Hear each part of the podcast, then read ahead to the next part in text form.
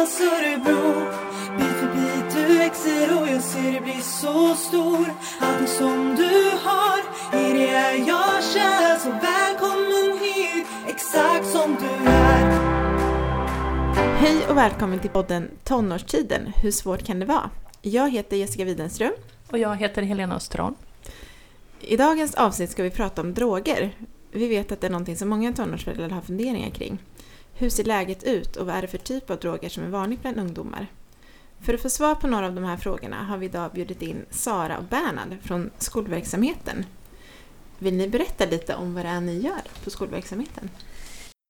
Ja, vi på skolverksamheten, först och främst så vill jag väl säga att vi är en del av socialtjänsten. Eh, ligger under behandlingsenheten ungdom och familj, där vi är en del. Vi jobbar främst med ungdomar på gymnasiet eh, med en missbruksproblematik eller där man misstänker att det förekommer droger. Eh, vårt främsta syfte är tidig upptäckt, att vi vill upptäcka de här ungdomarna så tidigt som möjligt så att de ska få hjälp. För att kunna göra det här så samarbetar vi mycket med gymnasieskolorna. Där är vi ute och föreläser om missbruk och droger och hur man ska kunna upptäcka det här.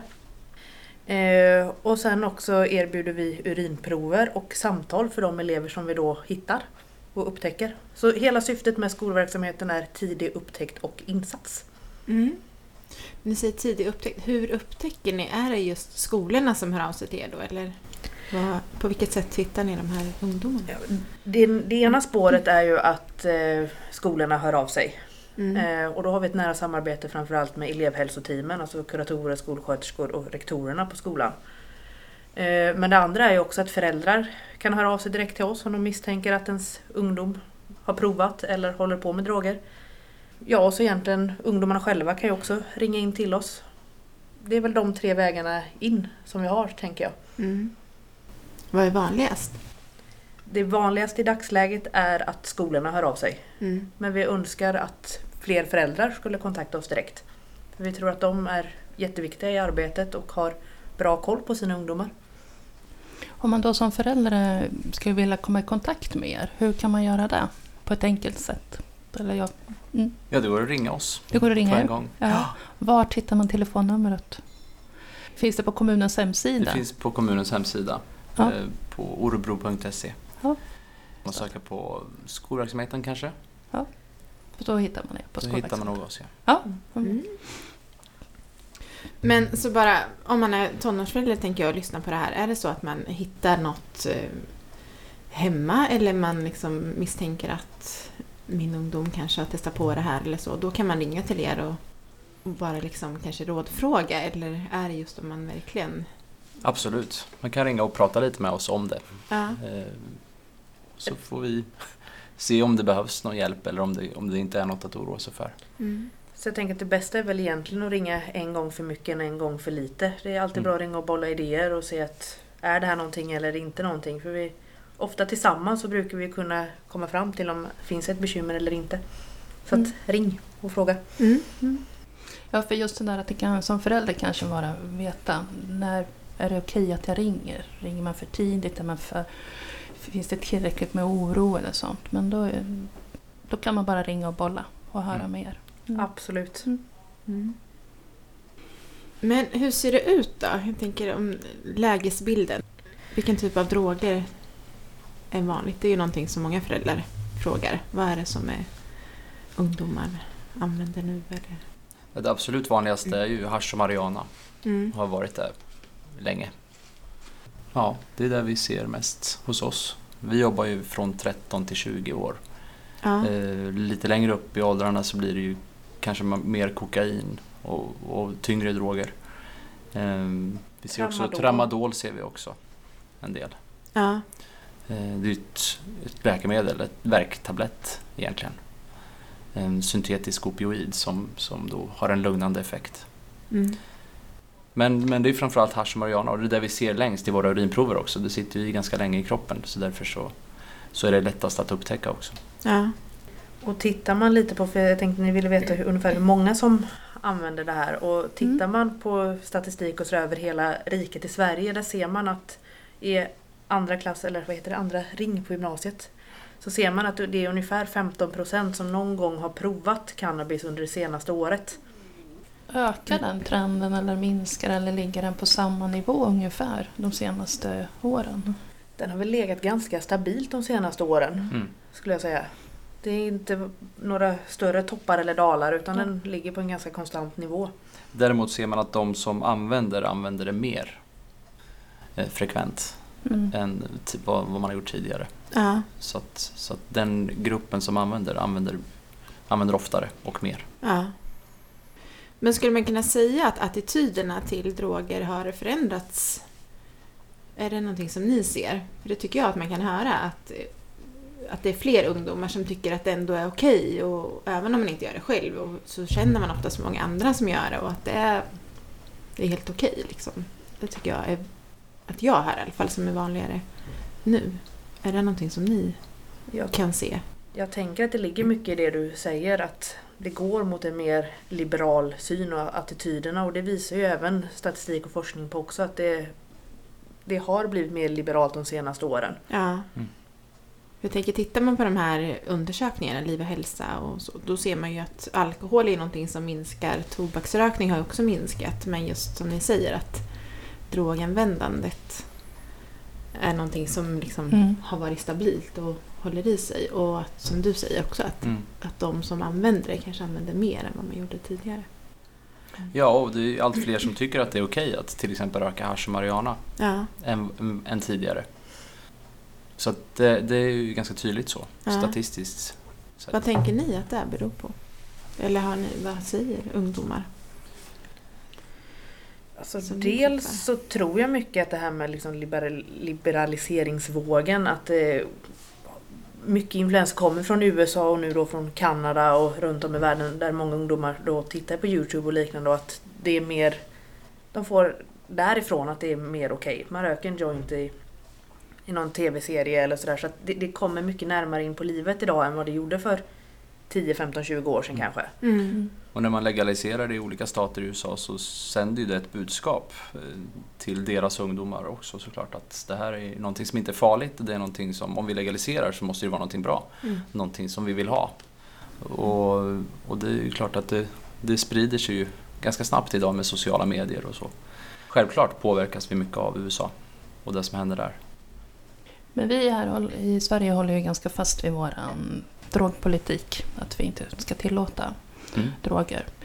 Och den grundar sig i att vi anser att det är farligt, att det inte är bra. Varför ska man vara orolig för droger? För droger generellt tänker du? Eller Ja. tänker du mer specifikt? Någon- Ja, kanske droger generellt men kanske då specifikt cannabis eller hasch och marijuana eftersom det är det som det pratas mest om just nu. Mm. Ja, mm, man brukar ju prata om att eh, cannabis det sätter sig ju i, i kroppen, i fettet i kroppen. Det är ju fettlösligt till skillnad från alkohol som är vattenlösligt. Eh, så röker man en, en joint på, på lördagen till exempel, då sitter ju det i då resten av veckan i hjärnan. Eh, och det påverkar de kognitiva funktionerna. Eh, uppmärksamhet, beslutsfattande, motivation och minne och planering och sånt. Och det här gäller både vid kort och långtidsanvändning. Alltså om man nu säger att man använder regelbundet cannabis, då har man THC då, som är en, eh, Aktiva substanser. ja, en psykoaktiv substans eh, som, som eh, gör att man får det här ruset. Det sitter ju då, kan sitta i, i längre Flera dagar. Men om man då skulle röka till exempel på lördagen säger vi. Mm. och inte röka jätteofta men Ja, en gång i veckan. någon gång då och då. Mm. Hur länge liksom, kan det här synas på urinprov? Hur länge sitter det i i kroppen? Det är ju jättesvårt att säga för det beror på, som sagt på så mycket olika faktorer. Dels då hur kroppen är uppbyggd. Har vi en jättetunn och smal person så kanske det går snabbare ur kroppen än en större person för att det, som det lagras i kroppens fettvävnader. Men det sitter i ett par dagar i alla fall och har du ett regelbundet använder att du röker ofta och mycket då kan du sitta kvar i upp mot en månad, sex veckor. Mm. Så att Mm. det är svårt att säga exakt för det beror så mycket från individ till individ men man ser det i ett par dagar. Och sen tänker jag att det är det här som Bernhard var inne på tidigare att det påverkar under lång tid. Att röker du på lördagen så har du liksom sämre uppmärksamhet, beslutsfattande, motivation även på onsdagen. Ja. Så att det är väl det som är den största skillnaden gentemot då alkohol som är vattenlösligt och går ur kroppen mycket snabbare. Och det är då de här sakerna som gör att det sitter i kroppen längre och framförallt tänker jag på ungdomar. Och förresten spelar det ingen roll vilken typ av jobb man har men att man kan få svårare att pre- prestera i skolan och skolresultaten dippar och sådana saker. Då. Det, Absolut. mm. Att man tappar. Om man börjar röka tidigt eller under skoltiden så kan, kan man tappa hela den tiden sen om man börjar, till exempel om man börjar röka i årskurs nio så kanske man tappar nian något sånt i inkunns, Ja, det är, ju- kunskapsinlärning. det är Mm. därför det blir så viktigt för skolan att upptäcka det här i tid. Mm. Eh, Så att man inte, som sagt, tappar elever på grund av droger. Mm. Mm. Men om man nu är eh, ja, men som förälder och börjar bli orolig, vad ska man titta efter som orolig förälder? Om ens barn börjar använda droger? Finns det något tecken eller något sånt? Ja, eh, vi brukar åka runt på, på skolor och prata med eh, lärare om just det här med tecken, drogtecken. Och eh, mycket handlar ju om, om eh, skolsituationen. Hur, hur fungerar skolan? Har- Eller har det förändrats? Har man blivit försämrat i skolan? Har man försämrade skolresultat? Skolkar mycket kanske? Det Kan vara ett tecken på att man faktiskt använder droger. Likaså tänker jag att det är det här med kamrater och umgänge. Att har du helt plötsligt en hel ny vänskapskrets? Varför har du det? Vad står det för? Ja. Vad är det här för ungdomar som du umgås med? Det är också någonting som jag tänker att man som förälder då kan vara uppmärksam på Ja. och prata med sina ungdomar om. Och beteendeförändringar kan man väl säga överlag. Alla beteendeförändringar är av intresse. Att man kanske har varit väldigt deppig innan eller ganska låg i humöret och sen så plötsligt så är man precis tvärtom, man är helt väldigt glad. Eh, Det behöver inte vara fel att man är glad men, men det här är som sagt ett, det här är ett pussel. Man får pussla lite och fundera på flera olika eh, aspekter kan man väl säga. Mm. Mm. Eh, För det är ju så, det kan ju vara en del av ett vanligt tonårs puberteten, tonårsbeteende. Så det behöver ju inte vara droger utan det är därför det är så viktigt att man Mm. lägger det här pusslet och också bollar idéer med andra i sin omgivning. Har både mamma och pappa upptäckt det här? Mm. Eller är det någon annan ytterligare person som har sett några tecken? Och också då att man kan kontakta oss och bolla idéer och tankar. Mm. Mm. Mm. Min erfarenhet är ju att visst, det kan hända ibland att någon tonåring eller ungdom börjar röka och är själv, eller de kanske är två. Men det är också väldigt vanligt att börjar man hitta en så börjar man hitta flera. Så att som där när ni pratar om vänskapskompiskretsen. Att eh, man tar, försöker ta kontakt med varandras föräldrar eller kompisens föräldrar och ser, ser de samma oro och sånt. Mm. Att, eh, mm, Ja, det är jättebra. Att ta kontakt med kompisarnas föräldrar, absolut. ja, Mm. Prata ihop sig lite. mm. Helt Om sant. de ser. För att ja, som sagt, som ni säger, liksom få stöd i. Är det här bara vanlig tonårs... Vad heter det? En tonårstid. Tonårsförändring, jag på att säga. Men, eller om det är allvarligare. Mm. Mm. Ja, för det, jag tänk, det kan ju vara ganska svårt i just den här åldern också för att många kanske man byter skola, man kanske börjar på gymnasiet eller på högstadiet att man byter skola, man får nya kompisar där också. Att, och just det här tonårsbeteendet, man, man kanske svänger i humöret och det kan vara svårt att liksom veta vad som är vad. Många ungdomar Mm. kanske drar sig undan, gärna vill vara själva och det är en naturlig del av att bli Mm. tonåring. Men också kanske någonting annat. Att, hur ska man ta reda på vad det är som ligger bakom? Och, Mm. Mm. men, men just som ni säger, ha kontakt med andra föräldrar är väl en jättebra. Mm. Och något som vi också tänker att man ska vara uppmärksam på det är ju det här på, på lugner. Ljuger ditt Mm. barn eller din ungdom väldigt mycket eller det den säger, man märker att det här hänger inte ihop.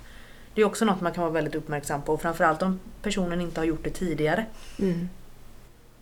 Men vi var inne lite också på det här med eh, förändrade attityder och legalisering och sådär. Mm. Och många ungdomar är ju ganska pålästa på de här positiva effekterna på... Ja, men man kan ju hitta väldigt mycket information som är liksom positiv eller negativ. Det beror på vad man letar lite efter. Eh, och det tycker jag att också många föräldrar tycker att det är svårt. De har liksom inga bra argument för varför man inte ska röka eller liksom så. Vad tänker ni? Har ni något sådär som ni skulle kunna ge föräldrar bra argument? Det finns ju en, en journalist som heter Pelle Olsson som har skrivit ett bra, ja, ett litet häfte som, som heter Åtta myter om cannabis. Mm. Om man vill prata just om cannabis med sitt barn eller om, man, om ens barn pratar om det. Så det, det är ett bra häfte som jag tycker man ska läsa. Jag tror att det går att ladda ner som pdf på nätet. Mm. Mm. Så det, det, det är en enkel liten skrift om cannabis negativa eh, sidor. de, och lite de här vanligaste då, argumenten och myterna som man hör. Mm. Så har han gett lite svar på det så att man som förälder då kan. Eller? Mm. Lite motargument liksom till... Ja, eh, och egentligen så är det, är det väl kanske bra att inte gå in i argumentation så mycket med sin ungdom utan mer att vara nyfiken på, på vad de tycker och tänker om, om olika saker. Sen så kan man berätta sin egen kanske bild av hur det är. Och då är det ju bra att ha lite kunskap är kring hur, det, hur cannabis påverkar kroppen och vad forskning säger. Precis. Ja. Och det, det handlar mycket om, det handlar mycket om att prata med sina barn. Eh, Och vara uppmärksam och eh, ha en, en restriktiv hållning till både alkohol och eh, droger. Det visar forskning att det, det ger bäst resultat om man Mm. vill att de ska hålla sig ifrån det. Ja. Så ja, Mm. det är väl det man kan rekommendera. Att prata med sina barn. Ja. Mm. Och också börja prata i tid tänker jag. Att det behöver inte Mm. vara när du har börjat upptäcka de här tecknena och börjat misstänka att någon använder droger. Utan börja innan dess. Börja på direkten och prata allmänt om det. Vad, vad tänker du? Vad, vad, och vad tänker jag? Så att man vågar ha en dialog tidigt. Och vara lite förberedd innan det kommer liksom. Mm. Mm. Ett argument som används av en del är ju att eh, man eh, använder cannabis framförallt, eller hasch eller marijuana, istället för att dricka. För Mm. alkohol är ju skadligt. Det, det ni berättar här nu så stämmer ju inte det. Hell, definitivt inte. Det, det visar ju forskning som ni säger att cannabis sitter ju kvar i kroppen längre, alkohol går ur. Men visar det någonting att de som ungdomar, på de forskningen som har gjorts, att eh, de som röker, dricker de mindre då eller dricker de mer? Eller?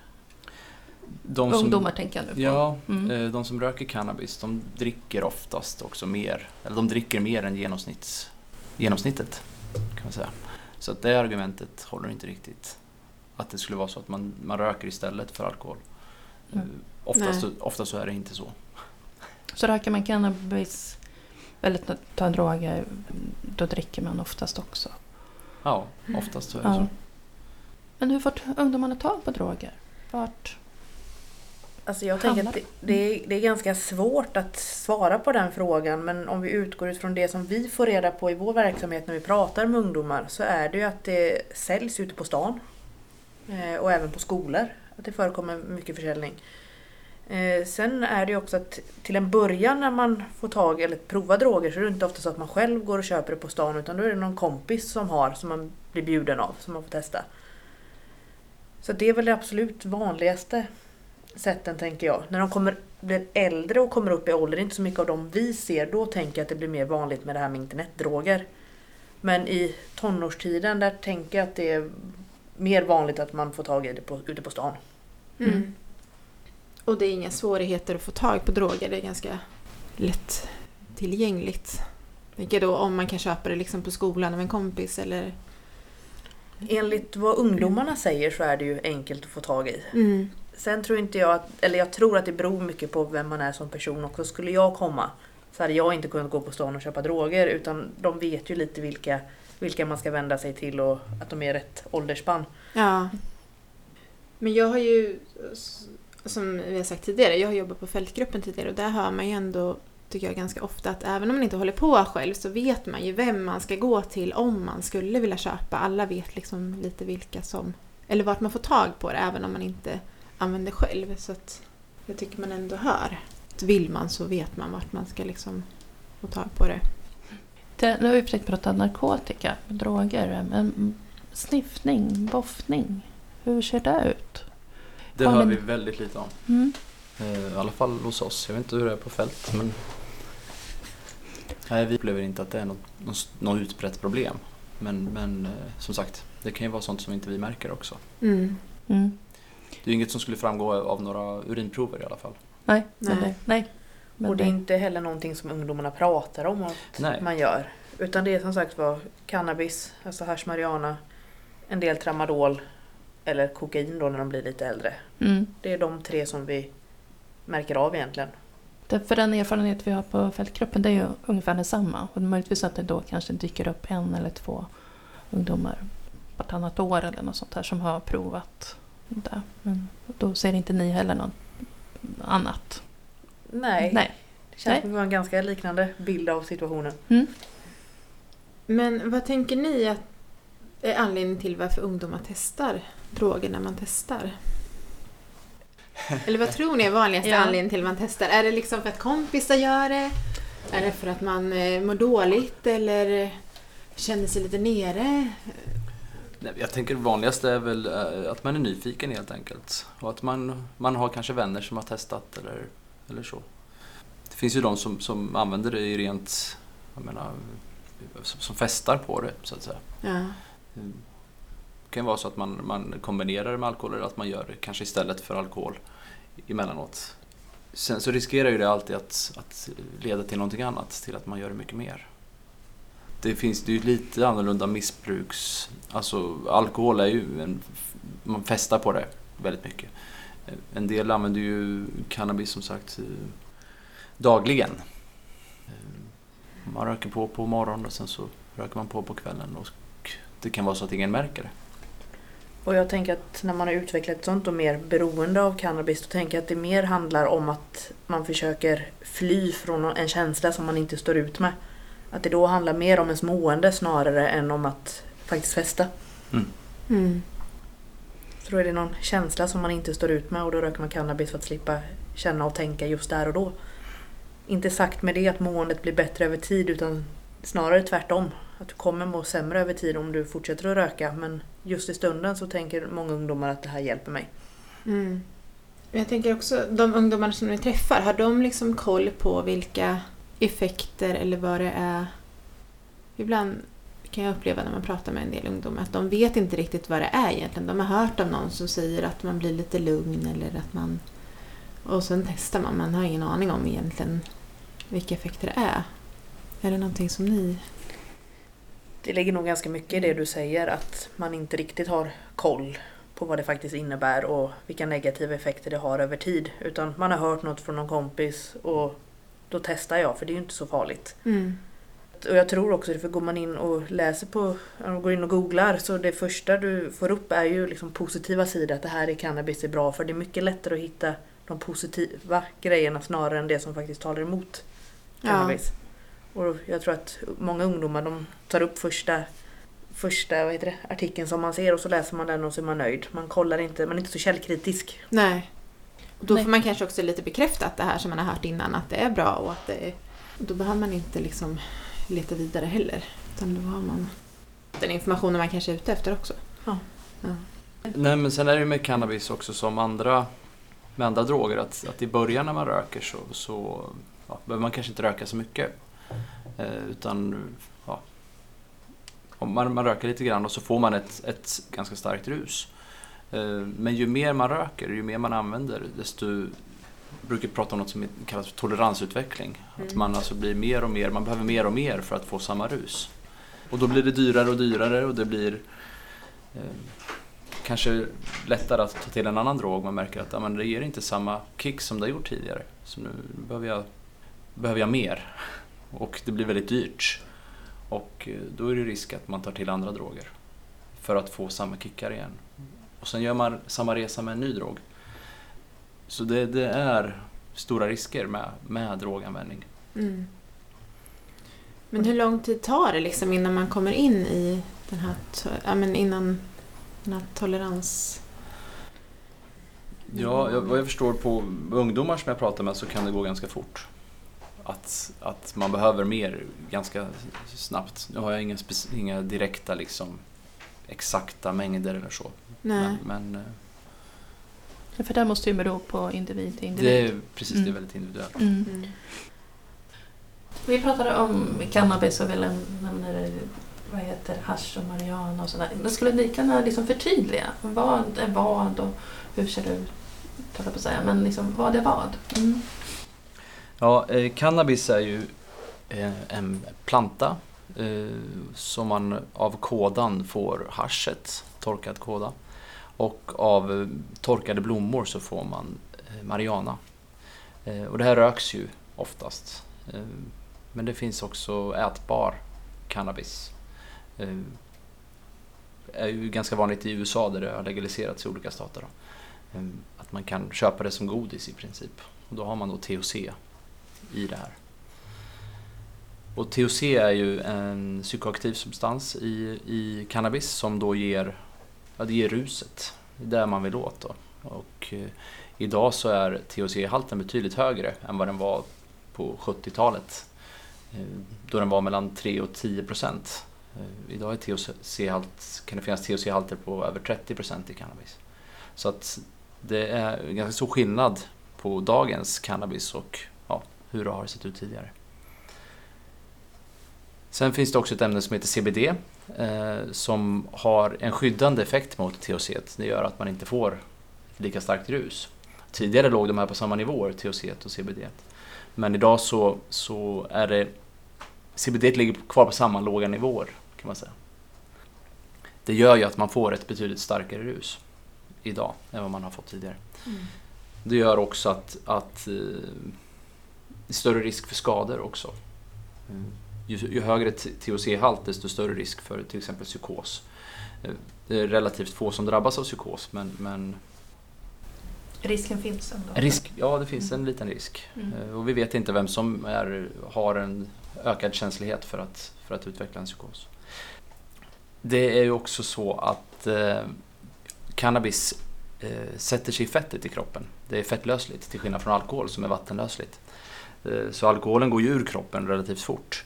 Cannabis sitter kvar i kroppen eh, och i hjärnan har man mycket fett så där sätter det sig och eh, påverkar de kognitiva funktionerna.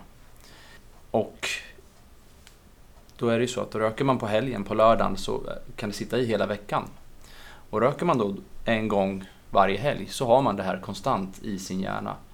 Och det påverkar på ett negativt sätt uppmärksamhet, beslutsam, beslutsfattande, motivation, arbetsminne, planering, sådana saker. Eh, Allt som är jätteviktigt för att man ska klara av skolan Mm. på ett bra sätt. Eh, Det är också därför som det är jätteviktigt för skolan att upptäcka det här tidigt. För att det inte ska förstöra skolgången för elever. Vilket vi ser att det gör hos våra ungdomar som vi möter, som röker mycket cannabis. Det blir väldigt svårt att klara av skola och ja, livet i stort. Så. Mm. Har det någon påverkan av hur man mår psykiskt? Du pratar om psykos för, men det är ju en ytterlighet att Ja, nej, men. Men all, rent allmänt, generellt psykiskt mående. cannabis kan ju, kan ju upplevas eh, ångestdämpande för stunden. Det gör det ju. Det finns ju en anledning till att man använder det. Eh, Men, men på lång sikt, vid, eh, om man använder det ofta, så leder det snarare till det motsatta. Att man, ju mer du använder, desto sämre kommer du må när du inte har drogen. Mm. Så du måste ju till sist använda drogen bara för att må som du gjorde innan du började. För att nå en normal nivå. Man röker till sist för att må Komma, normalt, för att känna sig normal Mm. helt enkelt. Kunna Eh, komma upp på morgonen, eller komma iväg på Ja, skolan, komma till iväg- jobbet. Precis, Mm. och komma iväg till skolan blir ganska svårt om man är helt inrökt tyvärr. Mm. Mm. Eh, För att motivationen är också kraftigt påverkad Mm. på ett negativt sätt. Mm. Även alkohol, att, att ha en restriktiv hållning, tänka att ja, men du är inte 18 år, du ska inte dricka alkohol. Nej. Det är okej att gå på krogen när man är 18 men innan det så, så får du inte dricka alkohol. Nej. Eller röka. Mm. Eller röka tobak, absolut. tobak. Mm. Det finns ju ganska eh, tydliga... Det är ju ett sånt här tecken som man faktiskt kan kolla efter också. Eh, om man nu röker så är det större risk att man också har använt annan narkotika. Det finns ju en undersökning som, som riktar sig till årskurs 9 och årskurs 2 på gymnasiet som heter Liv och hälsa ung i Örebro län. Eh, Och den visar då att 1% av de som aldrig har rökt tobak har använt annan narkotika. Och 41% av de som röker dagligen har också använt annan narkotika. Så det är ett ganska tydligt tecken på att ja, men det, alltså det skulle kunna vara så att man också har testat något annat. Mm. Om man har börjat, börjat med normbrytande beteenden så, så ligger det närmare till hands att också testa annat. Ja. Eh, och sen är det ju kanske lättare då man börjar röka tobak att sen också gå över och röka cannabis. Mm. Det blir inte lika stort steg från att aldrig ha rökt till att Nej, testa. precis. Nej. Sen finns det givetvis de som, som går direkt på cannabis men det är inte alls lika vanligt.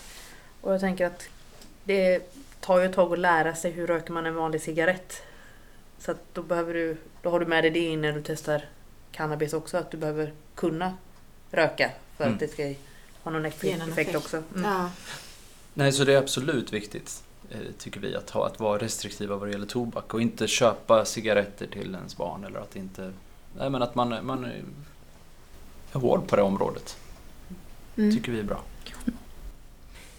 Ja, vi kanske ska börja avrunda lite grann. Men vi har pratat om många saker och sådana där. Men har ni några råd? Vi brukar be våra gäster ha något som man vill skicka med till föräldrarna, bara lite kort. Sådär, vad som kan vara bra. Jag tycker att försök att läsa på om cannabis och andra droger så att du ändå känner dig trygg i att våga prata med ditt barn. Och kunna ha, inte argument emot, men ändå kunna svara upp på det som ungdomen säger. Och som sagt var, våga prata med ungdomarna. Det är nog de två viktigaste delarna tycker jag.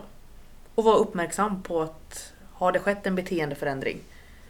Och i så fall våga prata med ungdomen eller kontakta oss. Vad bra. Jättebra råd. Ja, Men tack så jättemycket för att ni kom hit idag. ja tack, Tack. så mycket. Och tack till er som har lyssnat. Mm. Hej då! Hej då! Andas Örebro Bit för bit du växer och jag ser dig bli så stor Allting som du har, i det är jag sak som du är